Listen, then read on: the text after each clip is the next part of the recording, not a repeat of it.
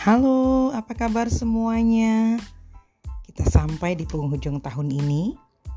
Kali ini Miss Elita memiliki sebuah cerita buat kita semua. Judulnya adalah Serigala dan Kucing.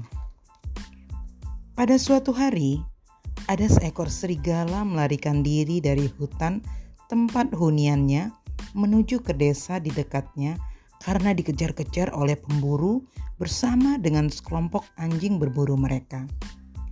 Sesudah lari agak jauh, sampailah serigala itu di gapura desa.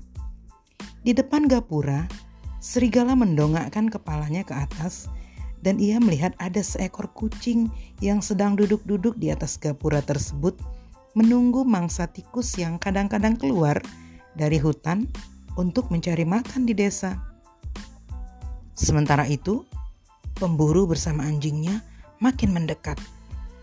Dengan nada minta dibelas kasihani, serigala itu berkata kepada kucing, Hai kucing, aku dikejar-kejar pemburu bersama anjing-anjing berburunya. Tolonglah aku, bawalah aku ke rumah tuanmu untuk bersembunyi di sana. Maaf serigala, jawab kucing itu. Rumah tuanku amat kecil. Tak ada tempat untuk bersembunyi. Jika demikian, jawab serigala itu, tunjukkanlah kepada aku ke mana aku dapat menyelamatkan diri. Baiklah, kata kucing itu. Mengapa kamu tidak pergi lari ke rumah Pak Aman di ujung timur laut desa ini? Aku tahu rumahnya besar dan orangnya baik. Rumah itu memang besar dan orangnya memang baik. Aku pasti dapat bersembunyi di sana. Tetapi dua hari yang lalu, aku baru saja mencabik kulit dua ekor dombanya. Pak Aman masih marah kepadaku. Jika melihat aku, dia pasti akan mengejar dan membunuh aku. Baik, kata kucing. Bagaimana jika kau pergi ke rumah Pak Burham di ujung tenggara desa? Aku khawatir, kata serigala itu. Dia masih terus berusaha mencari-mencari aku untuk membalas dendam. Soalnya, dua minggu yang lampau, aku melarikan tiga ekor anak sapinya. Hmm, bagaimana jika bersembunyi di rumah Pak Cepot di tepi timur desa ini? Dia orangnya lembut dan suka menolong.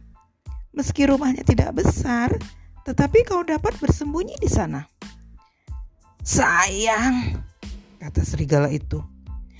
Aku ada masalah sedikit dengannya. Dua bulan yang lalu, aku menculik seekor anak kerbaunya. Dia sudah bersumpah untuk menghabisi nyawaku. Serigala yang baik, kata kucing itu sambil meningkatkan kewaspadaannya. Kamu telah membuat orang-orang baik di desa ini menjadi musuh-musuhmu wajarlah kamu mendapatkan kesulitan untuk mendapatkan bantuan dan perlindungan pada waktu kamu membutuhkannya. Terus terang saja, Pak Aman, Pak Burham, dan Pak Cepot memang amat membencimu. Bahkan mereka bersumpah akan membunuhmu. Sebelum kucing itu selesai berbicara, datanglah pemburu bersama anjing-anjingnya, lalu menyerang dan membunuh serigala itu anak-anak yang baik? Apa yang dapat kita pelajari dari cerita di atas? Ya, siapa menabur angin pada satu waktu akan menuai badai. Siapa yang suka melakukan kekerasan akan terlibas oleh perbuatannya sendiri. Kita akan menerima akibat dari seluruh perlakuan kita. Dengan demikian, tetaplah menjadi anak yang baik, tetaplah melakukan pekerjaan-pekerjaan baik, agar kebaikan saja yang akan datang menghampiri kita semua. Thank you, bye bye.